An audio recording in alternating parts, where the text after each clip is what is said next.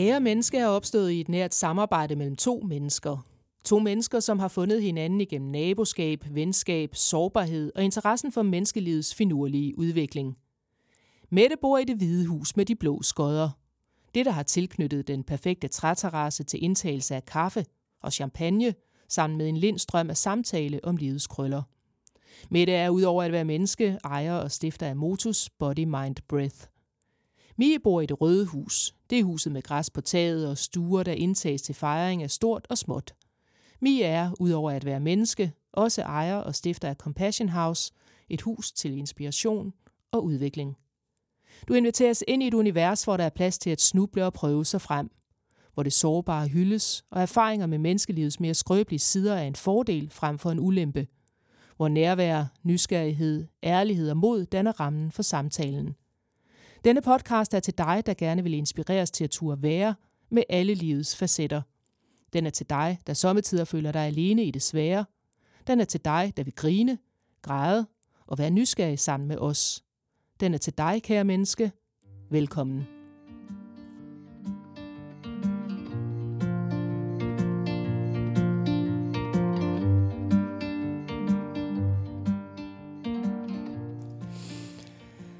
Hej Mi. Hej Mette. Så er vi klar til et nyt spændende emne i dag. Vi er klar til et nyt emne. Jeg har sådan glædet mig. Hvad skal vi tale om i dag, Mette? De tre H'er. Vil du ikke forklare de tre H'er? Jeg kan prøve. Mm. De tre H'er står for hjerne, hjerte og handling. Så det vi skal tale om i dag, det er, hvad er det egentlig lige, der sker med de her tre H'er, hvis de ikke rigtig er i samspil? Så hvad sker der, når de er i ubalance? Og måske også lidt om, hvordan vi selv har oplevet det tidligere i vores liv, men også kan støde på det indimellem nu. Mm-hmm. Så, så det her med, hvad kan vi egentlig gøre for at understøtte det her, og så stille og roligt træne accepten af, at de er nødt til at hænge sammen. Ja, Ja. Så det bliver lidt spændende i dag. ja, det gør. Mm. Så når nu jeg bare lige siger det her, kan du så komme i tanke om et eksempel fra dit eget liv? Ja, jeg kan godt komme i tanke om et eksempel. ja, men jeg er helt tilbage i mit øh, arbejdsliv. Mit tidligere arbejdsliv. det er næsten som om, det ikke er en del af mig mere. Men det er det jo alligevel. Det er en stor del af mig. Øhm, og jeg havde de første mange år af mit arbejdsliv, faktisk efter min øh, universitetseksamen og det, jeg laver i dag, Mm-hmm. Der arbejdede jeg meget hjernestyret. Ja. Ekstrem hjernestyret. 100% hjernestyret. Øhm, og det kom jeg også langt på, og fik nogle frygtelig fine resultater. Men det havde jo en pris, Mm-hmm. øhm, som jo i sidste ende, som I efterhånden kender, at, var, at jeg gik ned med fladen. Ja. Men det er enormt hårdt at kæmpe på kun én front. Fordi de tre der, de, øh, de fletter sig simpelthen ind i hinanden. Og, og hvis jeg skal blive ved med at hoppe tilbage til mit universitetsstudie, så er det den her work-life balance, som vi snakkede om der. Som jo på en eller anden måde er et trækløver, der minder lidt om hjerne, hjerte og handling. Ja, og det kan jeg virkelig godt genkende, at du siger det her med, at der, der øh, skal være et samspil, som jo måske, lidt som Morten Albæk siger i dag, ikke? Mm. at det er faktisk blevet noget sværere at lave de der punkter, fordi at vi har jo ikke længere et arbejdsliv, som er sådan opdelt. Mm. Så, så hvad er det, han siger? Et liv, en tid, et menneske. Ja, præcis. Hans meget roste bog der, som han vist også holder foredrag med. Ja, jeg skal endda ind og høre det. Ja, det skal du kan låne bogen af mig. Den er virkelig god. Det er meget, meget interessant, fordi han, han pointerer jo netop, at vi ikke kan skille det ad, vi laver. Vi er jo blot et menneske. Og vi har jo alle de her ting, som berører os i løbet af en dag. Ja.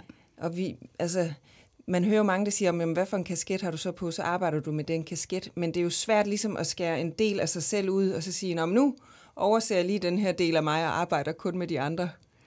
Det kan vi ikke. Det kan vi nemlig ikke, og det er jo også virkelig interessant, at vi kan komme til at have en forestilling om, at vi kan sådan lige kappe en arm, og så betyder det ikke noget, ikke? Mm. Altså, hvis man, hvis man omsatte det til det helt fysiske billede af, at det svarer jo, det er jo det, vi gør nogle gange med Mhm. vores hjerte, eller den der balance i livet, ikke? Nej, det er, det er nok lige meget, at mit hjerte sidder hernede og råber på, at det her, det giver ingen mening. Ja. Ikke? Jo. På et eller andet tidspunkt, så, så råber det hjerte altså så højt, at øh, vi bliver nødt til at lytte til det. Ja, og så er det nogle gange, så tager den resten af kroppen med, ikke? Jo, så bliver de med os. Hjerne, hjerte og handling. Ja. Præcis. Den er sjov. Hvad med, hvis vi tager fat i handling? Ja, altså, øhm, der kan jeg jo komme med et eksempel på en beslutning, jeg lige har været nødt til at træffe, som faktisk var virkelig svær. Jeg har sådan et halvt år haft planlagt, at jeg skulle på en fridykkertur til Tyskland. Øhm, og jeg har glædet mig virkelig, virkelig meget til det. Virkeligheden er bare, at øhm, min krop den stadigvæk bøvler virkelig meget med senfølger, fra jeg var syg med corona i maj måned. Mm. Øhm, og det vil sige, at de signaler, den sender lige nu, er ikke nogen, jeg nødvendigvis kender vildt godt, selvom jeg er undersøgende og nysgerrig på dem. Så, så den rigtige beslutning er i virkeligheden, at jeg har brug for ro.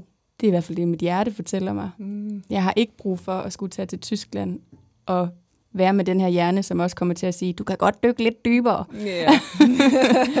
så, så et eksempel for mig her var jo, at den handling, der så skulle til, var, at jeg i dag fik meldt afbud, både til hende, jeg skulle følges med dernede, og til dem, der stod for turen. Ikke? Og det var jo en mega svær beslutning, Yeah. fordi både mit hjerte og min hjerne ville super gerne afsted, men, men det er bare noget andet, der er brug for. Ja, Så der kommer en anden gang. ja. Ja, så du tog handling, Jeg tog handling. på det, der sker, ja. Ja. Og af sikkerhedsmæssige årsager er jeg rigtig glad for, at du tog den beslutning. ja. Ja, og, det, og jeg tænker i virkeligheden, at det der med handling er jo mange ting, fordi det kunne også være, jeg skulle have spist frokost i dag med en veninde, som altid er god til at tjekke ind, inden vi mødes. Og hun spørger, har du energi? Og jeg skriver, ærligt, nej. Jeg trænger til at sove. Så jeg gik hjem og sov i stedet for. Wow. Og nu sidder vi så i studiet, og jeg er helt klart mere klar til at optage, end jeg havde været, hvis jeg havde presset det igennem, som min hjerne fortalte mig. Mm. Fordi jeg savner hende jo, så mit hjerte var også, Ja. kom nu, du kan godt, Ja. vi skal se hende, vi skal kramme hende. Ja. Og mit hoved var sådan, nu må du lige op der lidt, og det er også længe siden, jeg har set hinanden. Ikke? Ja. Men alligevel var den, den mest kærlige og omsorgsfulde handling at gå hjem og sove en time i stedet for. Wow. Og det er jo helt, jeg, jeg er jo helt sådan øh, nærmest faldet på knæagtig over, at øh, du har så godt fat i dig selv, at du kan mærke og tage den handling. Jeg kan godt være typen, der kan overrule sådan en følelse der, hvor alt skriger og larmer ind i mig. Men øh, så kan jeg jo bare sove senere, eller hvad jeg kan finde på at bilde mig selv ind. Ikke? Og jeg ved udmærket godt, at det koster. Men der har lige været to uger, så Ja. nu kunne jeg bare ikke mere. Nej. det er jo sejt. Og prøv at tænke, hvis du... Prøv at lave spilscenariet, at du ikke havde handlet, for eksempel på den her med dykkerturen, ikke? Du ryger ned på hvad, lad os sige, 20 meter eller et eller andet. Du ligger langt nede, og lige pludselig vrøvler kroppen. Du kender ikke den signaler, aner ikke, hvad der sker. Altså, det kan jo ende katastrofalt sådan noget.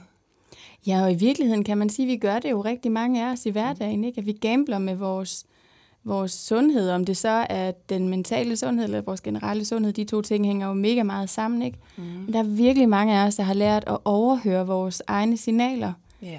Og det er, altså jeg har virkelig, virkelig, virkelig trænet at overhøre egne signaler i mange, mange, mange år. Ikke? Mm-hmm. Så, så når jeg siger, at jeg lige har været to uger igennem, hvor jeg virkelig også har overhørt en, et hvert signal, ikke? Mm. så er det virkelig rigtigt.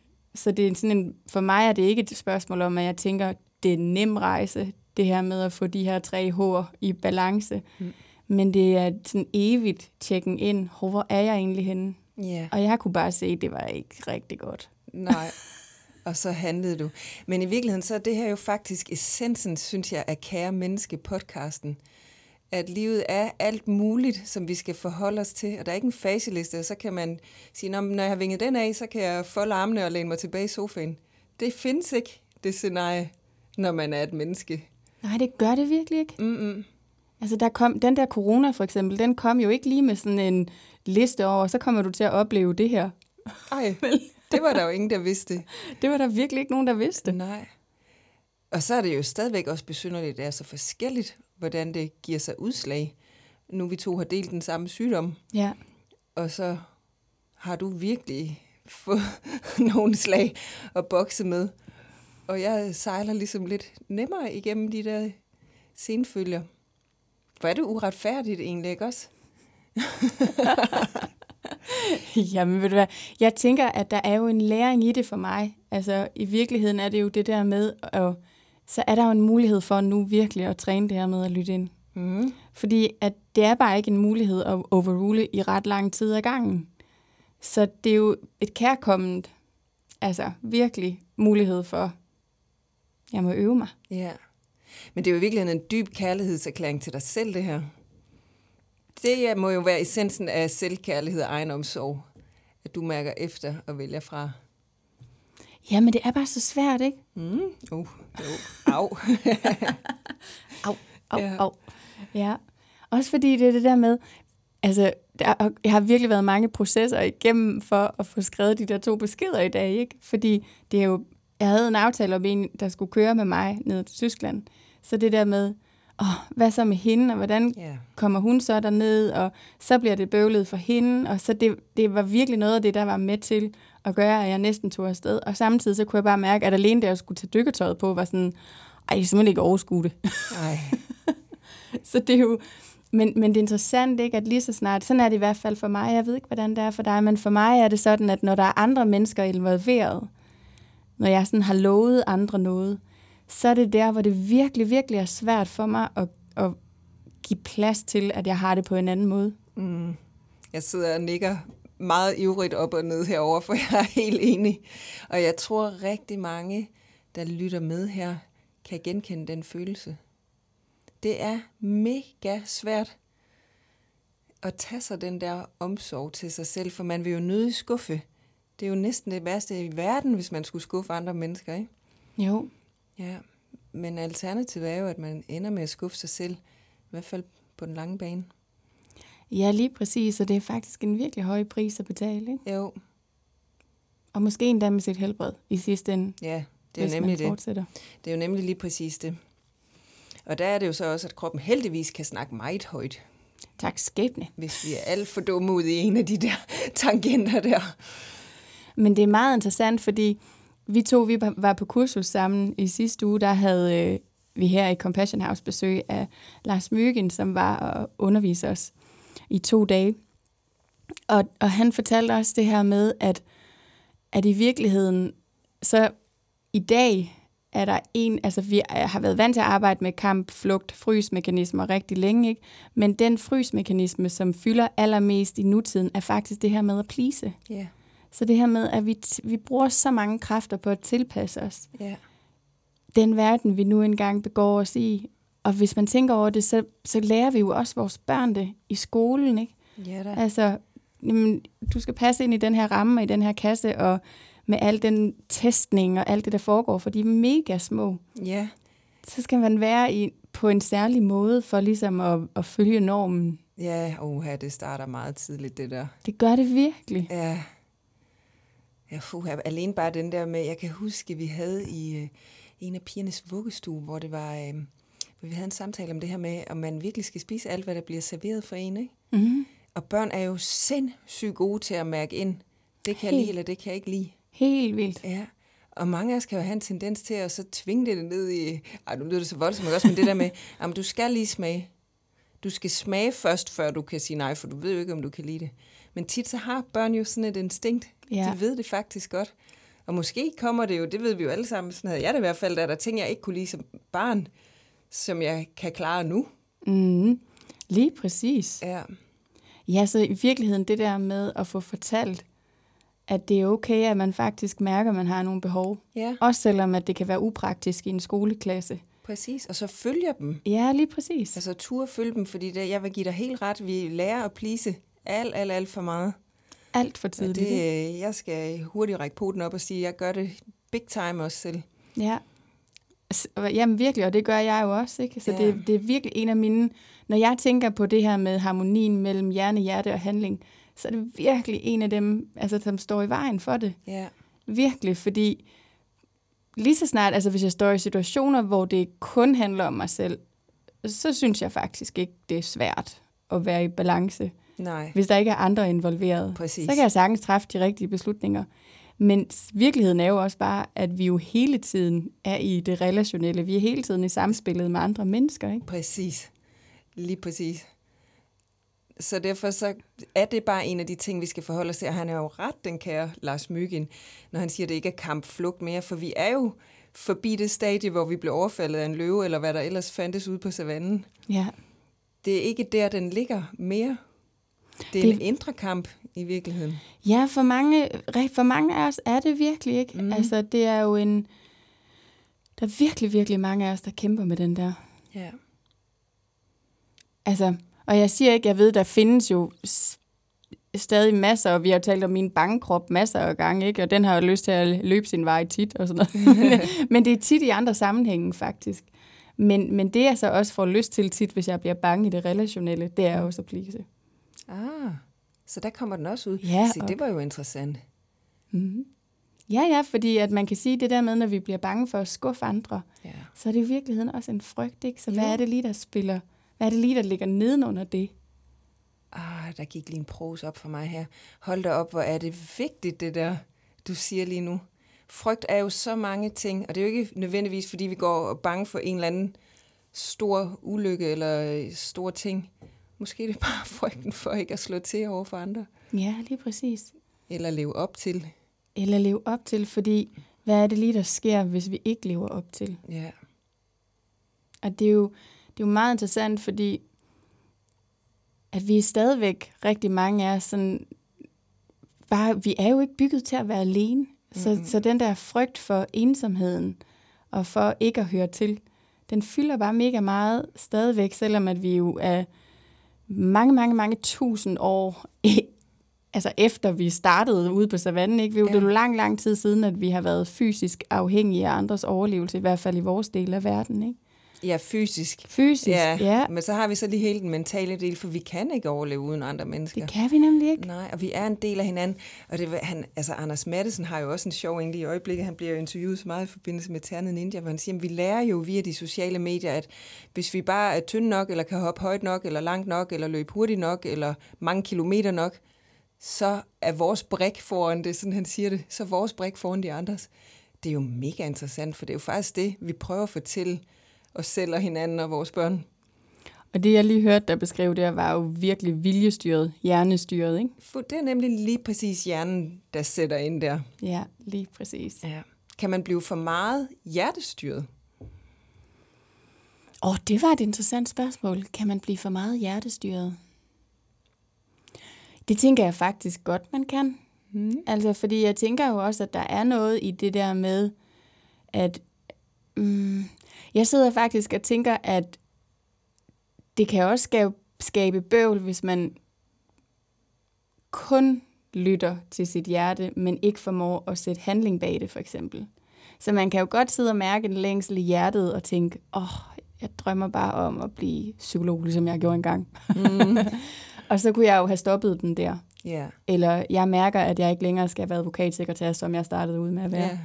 Og så kunne jeg have stoppet den der og fortsat resten af min karriere der. Ikke? Yeah. Øh, så, så man kan jo godt være enormt hjertestyret på det indre plan, men uden overhovedet at formå at sætte, at sætte handling på det. Mm. Og i virkeligheden også hjerne jo, fordi vores hjerne er jo genial i forhold til planlægningsdelen. Så i mm. forhold til det der med, så okay, jeg har mærket noget i mit hjerte, hvordan kan jeg så føre det ud i livet? Det kræver jo noget handling. Det kræver også en eller anden form for ramme at sætte det ind i. Mm. Og så er der nogle gange, vi også må give slip på at have en forestilling om, hvordan det skal se ud.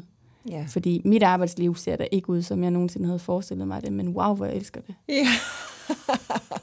God observation. Det er noget værd noget med det arbejdsliv der.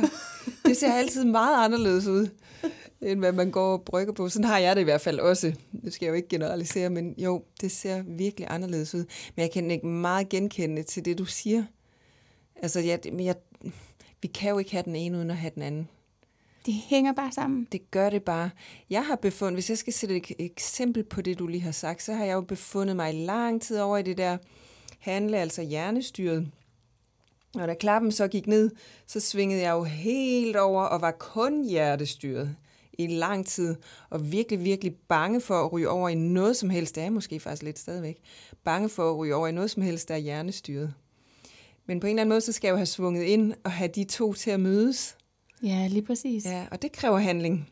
Det kræver handling. Ja, det gør det. Og det er faktisk noget af det, jeg bokser med lige i øjeblikket. Det er at, at finde ud af, at det er faktisk okay, at hjernen styrer noget. Den skal bare ikke overtage. Nej, lige præcis. Fordi den er jo genial på virkelig mange planer. Så, så Paul Gilbert, som har lavet compassion-fokuseret terapi, som jeg har nævnt nogle gange i tidligere, øhm, i tidligere episoder også, han, han plejer at sige det her med, vi skal bare vide, at vi har en tricky brain. Ja. Altså, den er rigtig genial på mange måder, vi kan bruge den rigtig godt, men det, den er god til, er også tit der, hvor vi snubler. Altså, Ja. så det der med, den kan se ud i tid, så den kan ligge en plan, mm. men den kan også se ud i tid, og så forudse alt det, der kan gå galt. Ja, præcis. Ikke? og hvad for et spor vælger du? Da-da. Ja, ja, og, præ- og, og velvidende, at nu går jeg efter den her ting, jeg gerne vil, og det, min hjerne vil komme til at fortælle mig alt muligt omkring det, der går va- galt undervejs, og det er okay. Mm. Det er bare min tricky brain. Ja, Derfor kan jeg alligevel godt gå med hjertet, gå med den handling, ja, uden at blive forstyrret af det. ja. Og det synes jeg er så fint, det der med, vores hjerne er vores hjerne. Den er tricky. Det er den bare.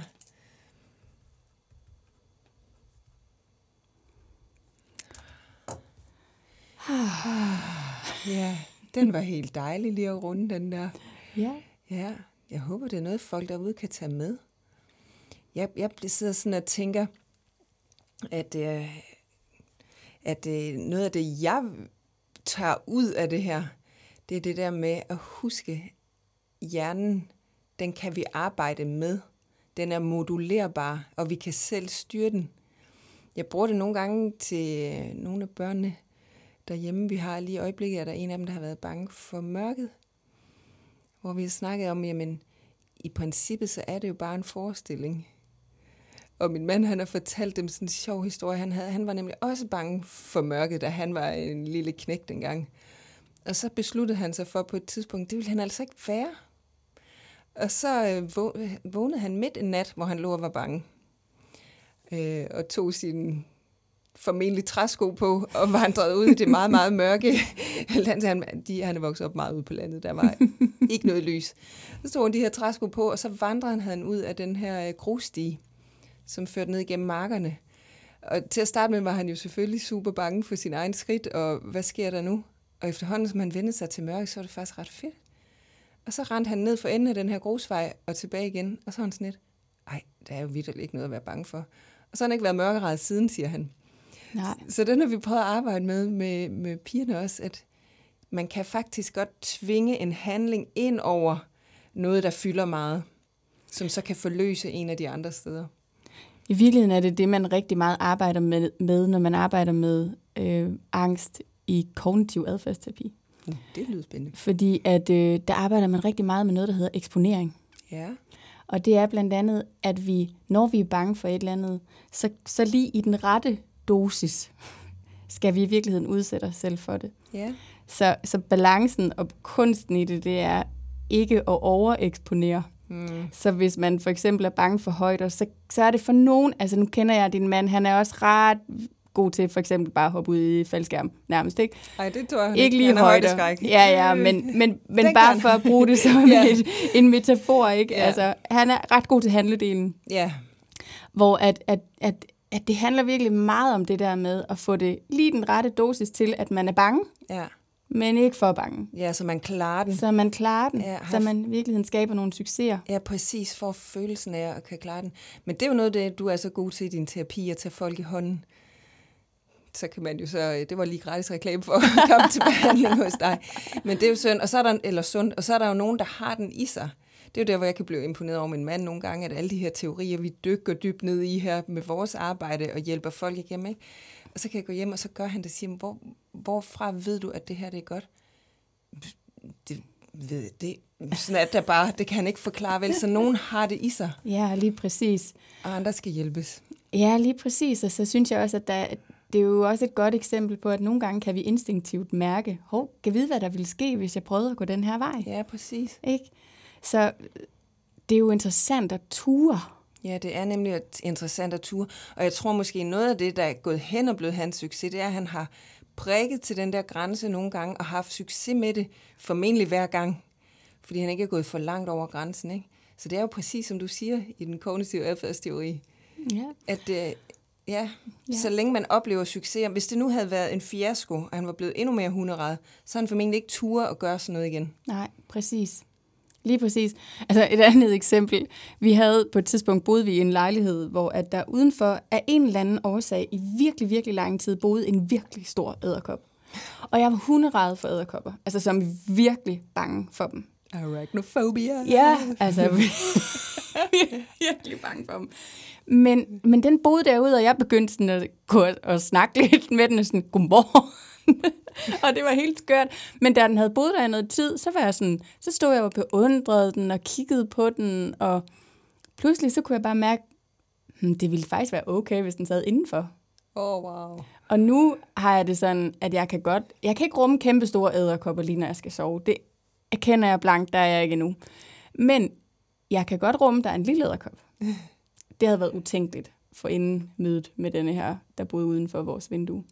Så det er jo i virkeligheden et, et andet eksempel Ja. på det der med den rette mængde. Ja, præcis. Den var lige der udenfor, og jeg vidste, den var i sikker afstand fra mig, Ja, men jeg kunne gå og kigge på den. ja. Og det, det blev fint. God terapi der. Egen omsorg. Ja. Ja. Og så vil jeg sige, så er der jo alt muligt, som, som vi, vi kan arbejde med, som jeg også synes er mega spændende, fordi at jeg, havde, jeg var i en lang periode virkelig bange for at være alene hjemme. Og jeg tvang også mig selv til at være det, fordi jeg vidste godt, at det, det var ikke hjælpsomt at bare ignorere det, og, mm. og så planlægge mig ud af, at så skulle min mor være der, eller alle mulige andre være der. Øhm, så jeg tvang mig selv til det, og jeg kunne også mærke, at det blev bedre og bedre med tiden. Men det, der var så interessant, det var, at da jeg så startede min egen åndedrætsrejse og fik alle de her mange, mange åndedrætssessioner, så kan jeg huske en aften, jeg sad derhjemme og var alene hjemme. Altså som børnene var heller ikke hjemme, mm. så jeg var helt alene hjemme. Og lige pludselig så sidder jeg i sofaen, og så kommer der sådan en tanke, hov, jeg burde da være bange nu. du burde være bange. og der gik det op for mig, at jeg havde gået rundt i flere timer, uden overhovedet at være bange. ja. Så det var til gengæld sådan en, hvad skete der lige der oplevelse? Det var altså også meget fedt, at jeg ikke havde behøvet at gøre noget som helst hjernearbejde. Ja, der fik Men at- hul igennem. Ja, og der tror jeg til gengæld, jeg havde arbejdet fra noget i hjertet Mm-hmm. på en anden måde, som så havde kunnet forløse noget af det, som også sad og baksede. Ikke? Ja, Så- og den kobling havde du formentlig ikke lavet selv. Aldrig. Nej, det er jo det, jeg elsker ved åndedrætsarbejdet. Det bliver en rigtig reklameomgang den her gang, men det er så fantastisk, det ved åndedrætsarbejdet, at man går ind og forløser nogle steder, som spreder sig som ringe i vandet, og forløser alle mulige andre tænkelige og utænkelige steder. Lige præcis, og jeg synes også, at noget af det, der, der for mig er det fede ved de der oplevelser, er jo, at nogle, nogle ting forløses rigtig godt med kognitiv adfærdsterapi, for eksempel, bare for at komme med et eksempel. Nogle fungerer rigtig godt med noget andet, men det er bare for at sige det der med, at vi kan virkelig arbejde med det, altså både enormt hjernestyret, så er der nogen, det bare slet ikke virker for. Der var virkelig mange ting i min proces, det absolut ikke virkede for at arbejde hjernestyret. Jeg skulle ned og have kroppen med. Mm. Men det er genialt, at vi kan gøre det. Det er egentlig lidt ligegyldigt. Ja, Bare vi på en eller anden måde får samlet det Ja. i sidste ende. Ikke? ja, præcis. At det mødes. Og det er jo igen det her med, at den ene påvirker unægteligt den anden. Gør det bare. Ja, Det gør det altså bare. ja. Et liv, en tid, et menneske. Ja. den han er fat i den lange ende der. Han har fat i den lange ende. Ja. Præcis. Og jeg øver mig, noget andet jeg øver mig i, det er ikke sammenligne, men jeg gad altså godt kunne bruge sproget, ligesom han kan. Åh, oh, wow. Ej, det, men det er så smukt. Altså, hvordan hulen kan man gøre det? Det er fantastisk. Det er det virkelig. Ja. Ja, men det, nogen kan det. Så er vi, vi, andre, vi andre kan noget andet. Vi andre kan noget andet. Ja, Det er også vigtigt at huske. ja det er også godt. Over Tricky Brain, der var du igen. Ja, præcis. Sammenligning. Men Ja. han er dygtig til det med sproget. Ja, præcis. Det er jo, det, faktisk, det er jo egentlig noget, der dræner ret meget, det der med, at vi render og sammenligner os. Ikke også? Ja. Det kan jo tage pusten fra enhver. Og det sker på automatrespons. Ja, det gør det, og Det man gør det. bliver fysisk træt af, af det der sammenligning og hvem er bedst race. Ja, præcis. Det er virkelig en... Øhm, og der er de sociale medier ikke hjælpsomme, vel? Nej, dem vi skal man slukke sidste gang, Ja, sidste episode. ja. Men det er også ret. Jeg har faktisk lige haft en periode, hvor jeg slet ikke har været ret meget på de sociale medier. Det er virkelig befriende. Altså, det er no shit, at nogen kalder det en detox, fordi det er virkelig ah, som fri for at spekulere på det. Jeg tror i hvert fald, at, at det ligesom med mange andre ting er meget, meget vigtigt at være bevidst om, hvordan man bruger det, Ja. og hvor meget man bruger det. Ikke? Ja. Fordi det er jo... Altså, jeg har en, en skøn kollega, der hedder Birgitte Sølstein. Hun har en podcast, der hedder Psykologen i Øret. Mm. Men hun taler også meget omkring det her med, at hvis man for eksempel er inde i en periode, hvor man er, er stressramt, så er det bare ekstra, ekstra vigtigt at være super opmærksom på de sociale medier, fordi at vores hjerne hele tiden bliver påvirket, når vi sidder på de der sociale medier. Mm. Så når vi er stressramt, så har vi jo brug for ro, vi har brug for at trykke på den der pauseknap, vi ikke har haft trykket på. Ikke? Oh, ja. Og hvis vi så ligger fysisk stille for eksempel, eller noget andet, som skulle give os ro, men så ligger og scroller, mm. så er Mm. vores hjerne jo bare max ja. på overarbejde. Ja, det er den. Og vi har jo nok også vendet os selv til at skal være i en eller anden gøren tilstand hele tiden. Rigtig mange af os har svært ved at koble fra. Jeg oplever det selv i perioder, hvor svært jeg har ved at koble fra. Og jeg har faktisk lige reflekteret over det her på det seneste, fordi jeg er begyndt at blive bedre til det igen. Måske det første er, fordi at jeg ikke har været på de sociale medier i lang tid. Mm. I don't know. Men i hvert fald så fik jeg den her tanke tilbage fra min egen opvækst, med, øh, som jeg fik afsløret sidste gang, som mine forældre fra Mors. Og der er man sådan lidt sindig, og man tager tingene, som det kommer, og man planlægger ikke alt for meget oven i hinanden, fordi der skal også være tid til det, der nogle gange skal være tid til, ikke? Jo. Og så når jeg tænker tilbage på det, hvor god jeg var til øh, at tælle sekunder for eksempel, eller bare lave ingenting som barn. Altså virkelig i ro, og hvor svært jeg kan have ved det i perioder nu her som voksen. Ja. Jeg er fuldstændig enig, og jeg kan virkelig genkende det der billede. Og jeg tager også mig selv i nogle gange, at når jeg så har sat tid af til ro, så er det, at hjernen den bare okser derude af stadigvæk. Ikke? Mm. Så, så det er virkelig, jeg tror, det er altafgørende for vores sundhed, at vi finder de der pauser i det liv, vi lever nu. Fordi der er, det er en kæmpe stor tasselbuffet af stimulering af vores hjerne. Mm. Og det føles godt lige i øjeblikket. Oh ja. Men, men når vi lægger det sammen, summen ja. af stimulering, puh, det er ikke godt. Nej, det er ikke godt. Det er alt for hårdt arbejde. Ja, Det er hjernen på overarbejde. det er det virkelig. Ja. Og det er der, hvor at, at jeg så tænker, at, at hjertet er utrolig vigtigt at få med ind i det der Mm. game, ikke? fordi at, at vores hjerne er så meget i gang. Mm. Og nogle gange er vi så nødt til at være helt nede i det små til daglig på handlebasis. Ja. Altså tage nogle beslutninger omkring, hmm, kan jeg minimere mit forbrug af sociale medier for eksempel? Ja. Vil det være mere hjælpsomt at sætte mig ud med en solstråle i ansigtet og en kop te? Mm. Eller hvad man nu mærker kan, kan give en den der stund af pause. Ja. Uh, ja, så er vi lige tilbage i et tema, vi havde for nogle gange siden. Kan du huske det, hvor det handlede om, at når- vi nu godt ved, hvad der er godt for os, hvorfor er det så, så svært at handle på det? Ja. Den er virkelig, den kræver nogle succeser på banen, før man hopper ud i den. Ja, det gør den. Og, når, og, og så tror jeg også, at der sker det, at når vi så har det godt, så glemmer vi lidt. Tænker, jamen det går nok. Okay. Ikke? Jo, jo, jo. Så er der ingen grund til hverken at lave sit åndedrætsarbejde eller noget som helst andet. Så det Niksen, kører Bliksen, det. Så hvad tager du med hjem fra i dag med det? Ja. Hjerne, hjerte og handling. Jeg tror nok, den jeg synes, der virkelig uh, rammer, det er den her med vores skøre hjerne. Vores skøre, skøre hjerne, som prøver at overrule vores uh, handlinger og vores hjerte. Mm. Eller hvordan hænger den sammen? Da, da, da. Da, da. ja, men, men den skøre hjerne, Ja, eller tricky brain, ja. som han siger, Paul Gilbert, den, den tror jeg, den, øh, den er vigtig at være opmærksom på. ja. Tricky brain. Jeg tror faktisk, jeg vil skrive den ned i min lille dagbog. Jeg har sådan en lille dagbog, hvor jeg hver dag skriver ned, hvad jeg vil være taknemmelig for, og, og hvis jeg nu møder modstand i løbet af dagen, hvordan vil jeg så takle det? Nogle gange får jeg skrevet de samme ting, men jeg tror faktisk, jeg vil skrive, at det ikke bare er din skøre hjerne. det bliver det, der kommer til at stå i den i morgen. Fantastisk. ja. Hvad med dig? Hvad tager du med?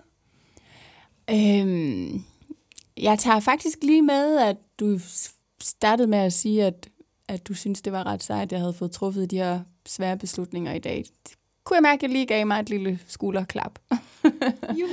ja, og så, og så tager jeg det med, at jeg jo virkelig kan se det her med at plise i samværet, altså særligt i samspillet med andre mennesker, når jeg synes, jeg har lovet noget. Og så at kunne sige højt, jeg er ked af det, men min krop trænger til at slappe af. Mm. Så det der med, at, at det er faktisk et okay, det er helt en, en okay undskyldning, hvis man kan sige det sådan. Mm. Det er ikke engang en undskyldning, det er bare, jeg har brug for ro. Ja, det er det, mere end nok. Ja, det er sådan, det er. Det er sådan, det er, ikke? Ja.